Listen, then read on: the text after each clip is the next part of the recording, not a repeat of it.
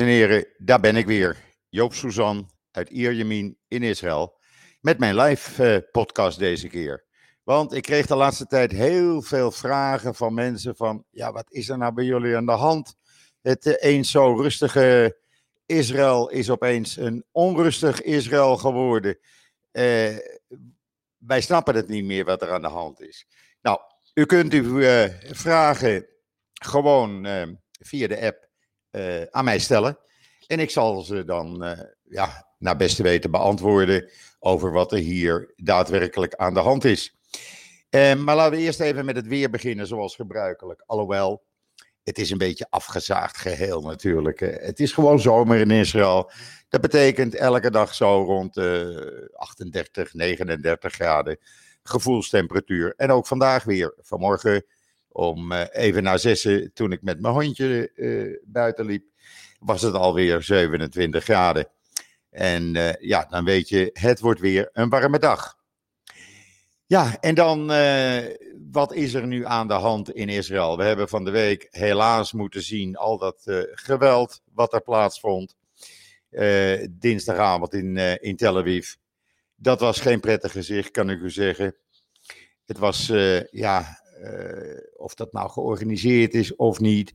Maar de demonstranten die bij het huis van de minister van Publieke Veiligheid en Politie stonden, werden opeens aangevallen.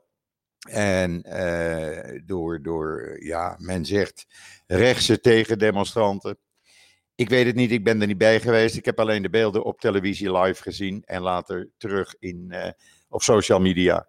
En ik moet u zeggen, het is geen prettig gezicht als je Israëli's zo tegen elkaar ziet vechten. En dan vanavond, ja, vanavond is er weer een hele grote demonstratie gepland in Balfour Street in Jeruzalem, waar de residentie is van premier Netanyahu. En men verwacht, althans dat zegt de Israëlische politie, dat daar vele duizenden demonstranten zullen eh, komen. Eh, men stelt alles in het werk om eh, de veiligheid van de demonstranten te garanderen. Of dat gaat lukken, laten we het hopen. Er zijn honderden extra eh, eh, eh, grenspolitieagenten en gewone politieagenten, ook in burger, zijn naar Jeruzalem gestuurd. En hopelijk wordt dat een vreedzame demonstratie. Gisteravond is er een demonstratie, want dat gaat elke dag door, alleen op kleinere schaal. Was eh, onder de demonstranten gisteravond was de kleinzoon van de voormalige Israëlische premier Levi Eskol. En die zei, om zijn aanwezigheid te verklaren, van eh, premier Netanyahu moet begrijpen eh, waarom Israëli's kwaad zijn, waarom ze willen dat hij zijn functie neerlegt. Want wat er nu gebeurt, dat is niet de wil van het volk. En die geluiden, die hoor je de hele tijd. Ik heb het maandag, jongsleden maandag in een podcast proberen uit te leggen. Maar ja, eh, eh, het wordt alleen maar sterker. Men verwacht zelfs voor eh, komende zaterdagavond een hele grote demonstratie. Daar zullen vele tienduizenden bij aanwezig zijn. Niet alleen in Jeruzalem, maar ook in Tel Aviv.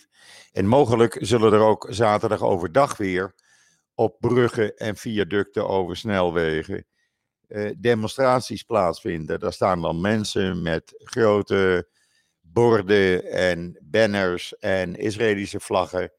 eh, allemaal te demonstreren, vaak met kinderen.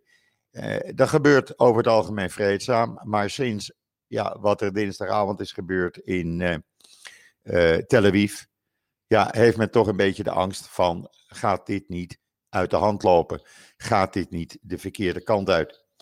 De woede wordt alleen maar groter, ook al omdat eh Netanyahu eigenlijk net doet alsof zijn neus bloedt. Gisteren op een gegeven ogenblik in de namiddag kwam hij eindelijk, dat was dan nou zo'n twintig uur na de demonstratie, kwam hij met een verklaring. Waarin hij eh, de demonstranten nota bene beschuldigde dat ze anarchisten waren. Nou, ik kan u verzekeren, Deze demonstranten zijn een doorsnee van de Israëlische bevolking. Het zijn uh, ouderen, het zijn uh, ondernemers, het zijn werklozen, het zijn studenten, het zijn middelbare scholieren. Het is een doorsnede van de Israëlische bevolking. Het zijn uh, nieuwe immigranten, het zijn in Israël geboren Joden, ook Arabieren die demonstreren, Israëlische Arabieren. Want iedereen heeft dezelfde liefde voor het land. En men ziet het land kapot worden gemaakt. En dat is iets wat men probeert tegen te gaan. Dan zie ik dat ik een, een vraag binnenkrijg hier van Johnny, Johnny de Meij. Of Netanyahu luistert naar de protesten. Nou, ik kan je zeggen, uh, hij zal er wel naar luisteren, want ze zijn enorm lawaaierig. Maar of hij zich er iets van aantrekt, dat laat hij niet blijken, namelijk op dit moment. Hij reageert, ja, dat zeg ik alleen gisteravond uh, of gistermiddag heeft hij gereageerd. En voor de rest doet hij net alsof zijn neus bloedt. Wat eigenlijk uh, nog meer kwaad bloed zet onder de demonstranten. Daarbij speelt ook dat op het ogenblik meer mensen dagelijks werkloos worden. Uh, we, we, zitten echt rond een uh, miljoen werklozen nu.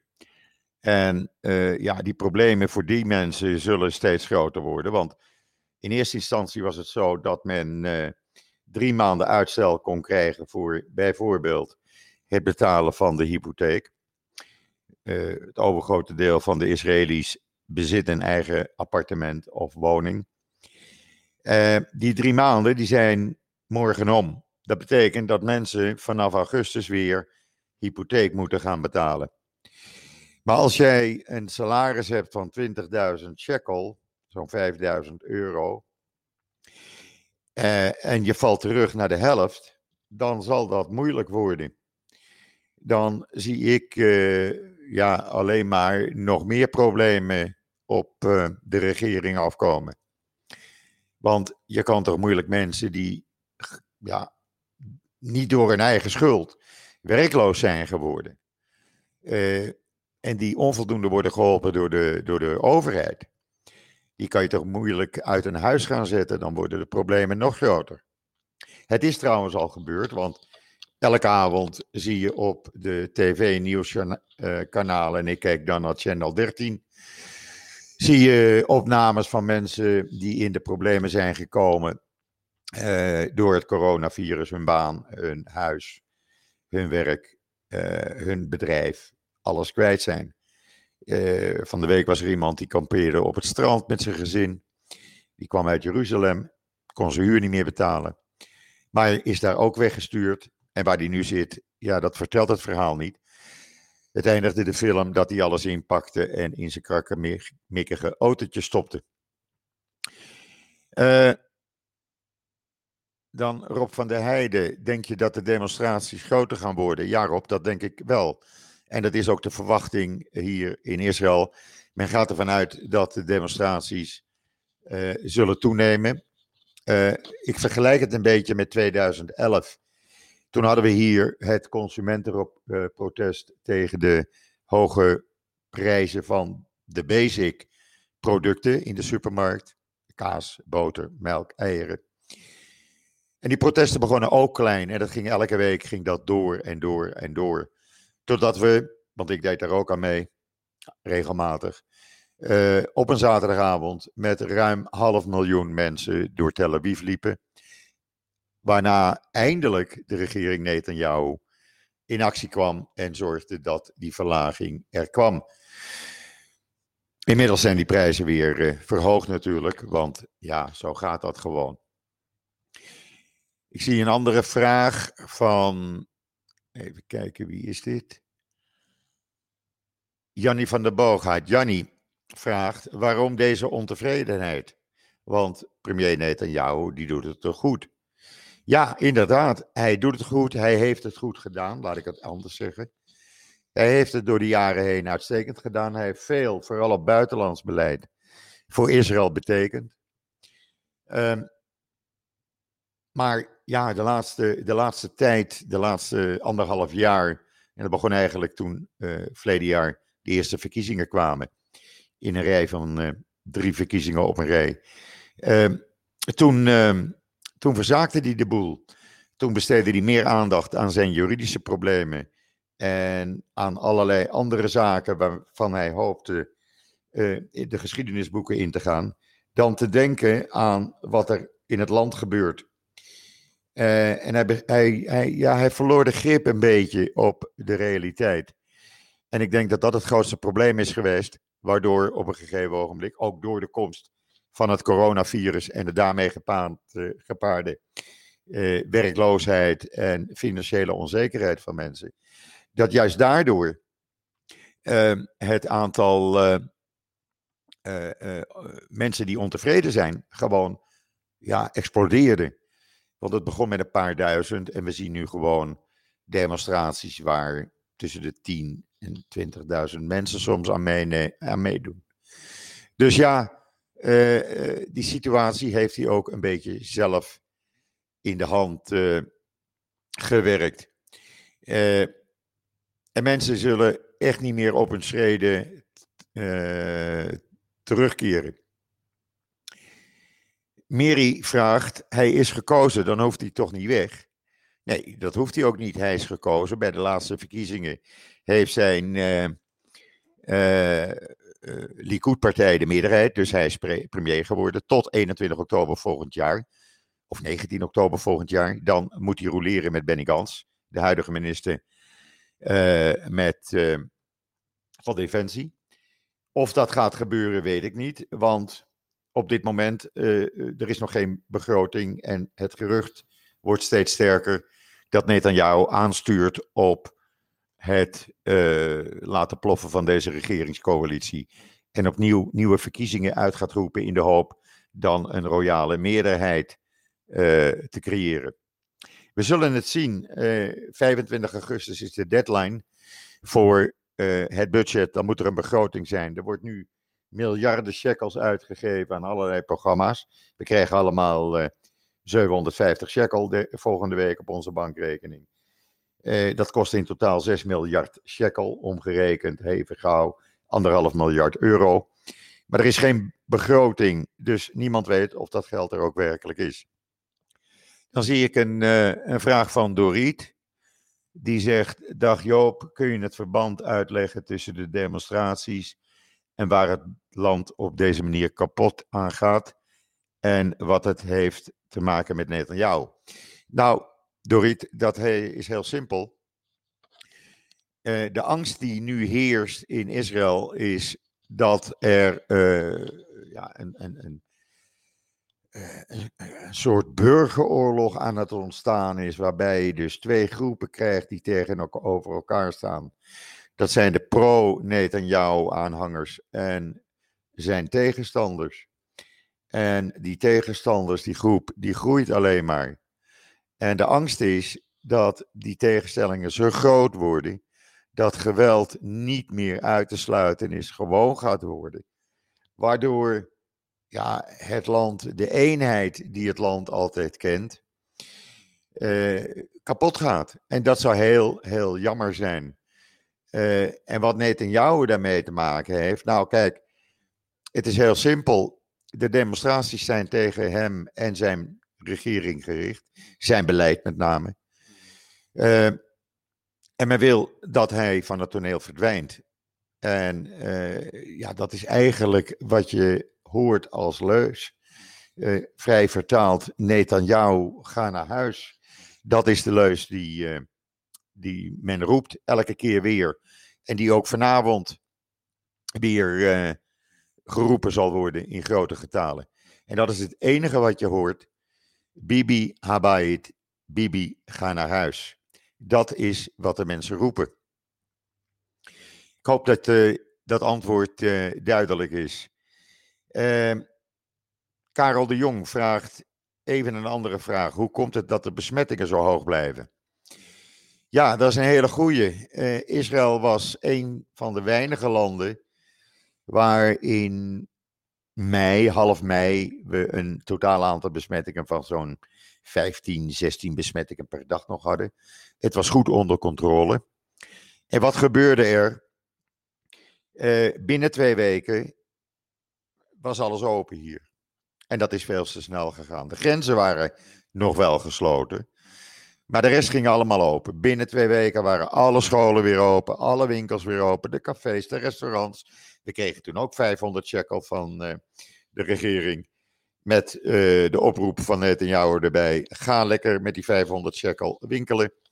En dan uh, steun je ook de economie. Dus de mensen gingen ook naar shoppingmalls. En de besmettingen namen geleidelijk toe. En dat zie je nu ook in Nederland trouwens. We zaten eerst dan op 40 besmettingen, toen op 80. Het verdubbelde elke keer zo'n beetje. En op een gegeven ogenblik, ja, zoals nu, zitten we royaal boven de, of rond, laat ik het zo eerlijk zeggen, rond de 2000 besmettingen per dag. Nou moet ik er wel bij zeggen dat er gemiddeld zo tussen de 25.000 en 30.000 virustesten worden uitgevoerd per dag. Dus het is logisch, het aantal uh, besmette personen ja, wordt dan ook hoger. Het is wel zo dat op dit moment zo'n 7,5, 8 procent van de mensen die getest worden besmet blijkt te zijn met het virus. Daar zitten ook een aantal mensen bij die helemaal geen notie hebben dat ze het virus hebben, die helemaal geen problemen hebben, die normaal functioneren, eh, die niet verkouden zijn, geen reukvermogen verliezen, geen koorts hebben, maar die toch het virus blijken te hebben. Dus ook dat kan gebeuren.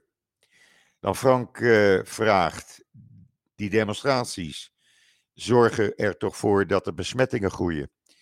Nou, dat is weer zoiets, Frank. Heel raar. Uh, er zijn nog geen aanleidingen uh, dat de besmettingen echt toenemen door die demonstraties. Er is één of twee keer iemand opgemerkt die besmet was. Dat gebeurt door middel van die app. Mensen zijn gewaarschuwd die bij hem in zijn omgeving waren, omdat de Shinbet hier alle telefoons dus volgt. maar niemand bleek daar besmet mee te zijn. En dan nog een andere vraag van Doriet. Begrijp ik dan goed dat het beleid van Netanyahu een negatieve uitwerking heeft op het onder controle houden van het virus? Nou, dat vind ik een hele moeilijke. Het beleid, uh, kijk, wij hebben nu een, een, ja, zoals wij het noemen, of soms de overheid het noemt, een coronatsaar. Dat is de man die het hele beleid uh, managt, het centrale aanspreekpunt en hij mag ook beleidsmatige beslissingen nemen. Uh, ik weet niet of dat beleid wordt ingegeven door Netanyahu of door de minister van Volksgezondheid. Natuurlijk zal het beleid van die nieuwe tsaar uh, ook gebaseerd zijn op de gegevens van de overheid. Maar hij heeft bijvoorbeeld van de week een beslissing genomen waarin hij alle testen en alle andere zaken die met het virus te maken heeft, heeft overgedragen van het ministerie van Volksgezondheid en het ministerie van Onderwijs en het ministerie van Financiën naar het ministerie van Defensie om de IDF alles in één hand te geven en het IDF te laten werken aan alle testen, het vervoer van patiënten naar en van de coronahotels, uh, het beheren van de coronahotels, uh, het laboratoriumwerk, daar zijn ze bij betrokken. Zij geven assistentie op allerlei gebieden op het ogenblik. En dat zijn dan voornamelijk uh, de soldaten en de reservisten, want er zijn 2750 reservisten opgeroepen van het Homefront Command. Homefront Command is een speciale unit binnen de IDF die optreedt en ook soms buiten de grenzen hulp verleent bij aardbevingen, watersnoodrampen, alle andere rampen en crisissen die er zijn. En het Homefront Command uh, ja, is nu dus eigenlijk de leidende instantie voor wat betreft het coronavirus en alles wat daar uh, aan vastzit.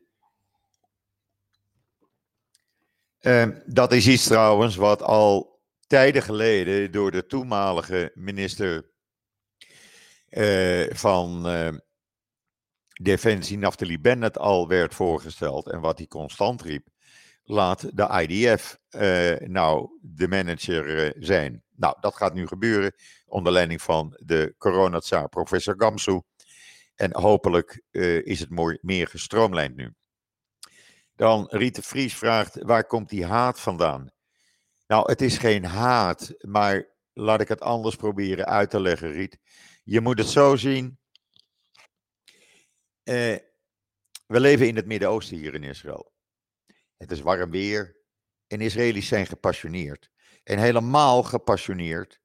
En ik, ik betrap me er zelf ook wel eens op. Als het over het land gaat. Omdat, zoals ik het van de week ook zei, we houden van het land. En we vechten voor dit land. Uh, en daar raak je gepassioneerd. En die passie, ja, ik wil niet zeggen dat het haat is. Maar die passie uit zich dan in veel lawaai, in veel emoties. Uh, uh, in, in, in mensen die ja, eigenlijk ja, met passie voor hun land opkomen. Zoals ze dat ook zouden doen in tijden van oorlog. En zie dat niet ha als haat. de enige passie die die mensen hebben is een, een change of government, een verandering van de regering, waarbij Netanyahu door zijn strafproces wat loopt, natuurlijk de man is waar alles zich op richt. En dat heeft er ook mee te maken dat hij jaren geleden, toen toenmalig uh, minister-president Olmert werd beschuldigd, werd beschuldigd, nog niet aangeklaagd, van uh, fraude en corruptie en vertrouwensbreuk. Eigenlijk hetzelfde waar Netanyahu nu nu voor is aangeklaagd. Dat hij erop aandrong, Netanyahu, dat Olmert aftrad. En Olmert trad ook af voordat hij werd aangeklaagd. Nu verkeert Netanyahu in dezelfde situatie. Uh, Yair Lapid heeft afgelopen week, afgelopen maandag gezegd: Netanyahu, wees wijs, treed af. Doe dat binnen 48 uur. En Netanyahu doet net of dat hij dat niet hoort en blijft gewoon zitten waar hij zit. En dat, ja, dat noem ik geen haat, maar dat noem ik even uh, de passie uh, van het land. En nogmaals, vergeet niet, we leven hier met ruim 9 miljoen mensen. 9 miljoen mensen die, waarvan een groot gedeelte bewust heeft gekozen om in Israël te wonen en te leven en te werken. En men doet dat omdat men, ja, men houdt van het land. Men is in een Joods land. Vergeet niet, we hebben hier 3000 jaar geschiedenis. Eh, waar nog steeds de bewijzen wekelijks, maandelijks van worden opgegraven. En eh, dat betekent dat als je hier woont en leeft, dat je het land lief hebt. Eh, misschien klinkt dat raar in de oren, maar zo is dat gewoon. We zijn, uh, we zijn zuinig op dit land. Het is het enige Joodse land in de wereld. We hebben geen andere plek waar we als vrij, vrije Joden kunnen leven. En dat betekent dat je zuinig bent op het land en niet wil dat het land te, uh, kapot wordt gemaakt, omdat uh, iemand andere belangen heeft die tegenstrijdig zijn aan de belangen van de mensen die hier wonen. En dat maakt de emoties zo hoog. En dat maakt dat mensen echt uh, blijven demonstreren. Want om het even in een uh, ander perspectief te brengen, die demonstraties bij de residentie in Jeruzalem van Netanyahu, die zijn al anderhalf jaar geleden begonnen.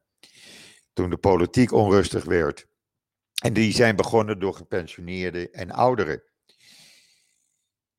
Waaronder een van de beroemde uh, generaals, een oud luchtmachtpiloot, die uh, zijn strepen heeft verdiend in 67 en 1973. En uh, ja, die protesten zijn eigenlijk overgenomen nu door jongeren, door zelfstandigen die hun bedrijf kwijt zijn geraakt door de coronacrisis, door werklozen, ja, door iedereen die de pijn voelt. En die pijn wordt door steeds meer en meer mensen gevoeld. En dat zit achter deze uh, demonstraties. En vandaar dat ik ook ja, niet zie dat het kleiner wordt. Het zal alleen maar toenemen. En het zal zorgen voor nog meer, ja, nog meer demonstraties die zich tegelijkertijd op verschillende plaatsen zullen afspelen. Waarbij Tel Aviv en Jeruzalem natuurlijk de hoofdrol blijven vormen. Maar ja, ook in andere plaatsen zal het gaan gebeuren. Men wil gewoon verandering en men wil niet dat men uh, niet gehoord wordt. Men wil gehoord worden. Men wil dat men naar het publiek, naar de bevolking van dit prachtige land luistert. En helaas gebeurt het niet. Vanavond uh, dus de eerste demonstratie weer na het geweld van dinsdagavond. Zaterdagavond een hele grote demonstratie sowieso in Tel Aviv en Jeruzalem. En wat er daarna gebeurt, ik zou zeggen, hou JoodsNL in de gaten. Mocht de situatie er aanleiding toe zijn, dan kom ik altijd met een live podcast. Ook al zal die dan uh, kort zijn elke keer. Maar sowieso op Twitter en op joods.nl vindt u de updates en alles wat met de situatie in Israël te maken heeft.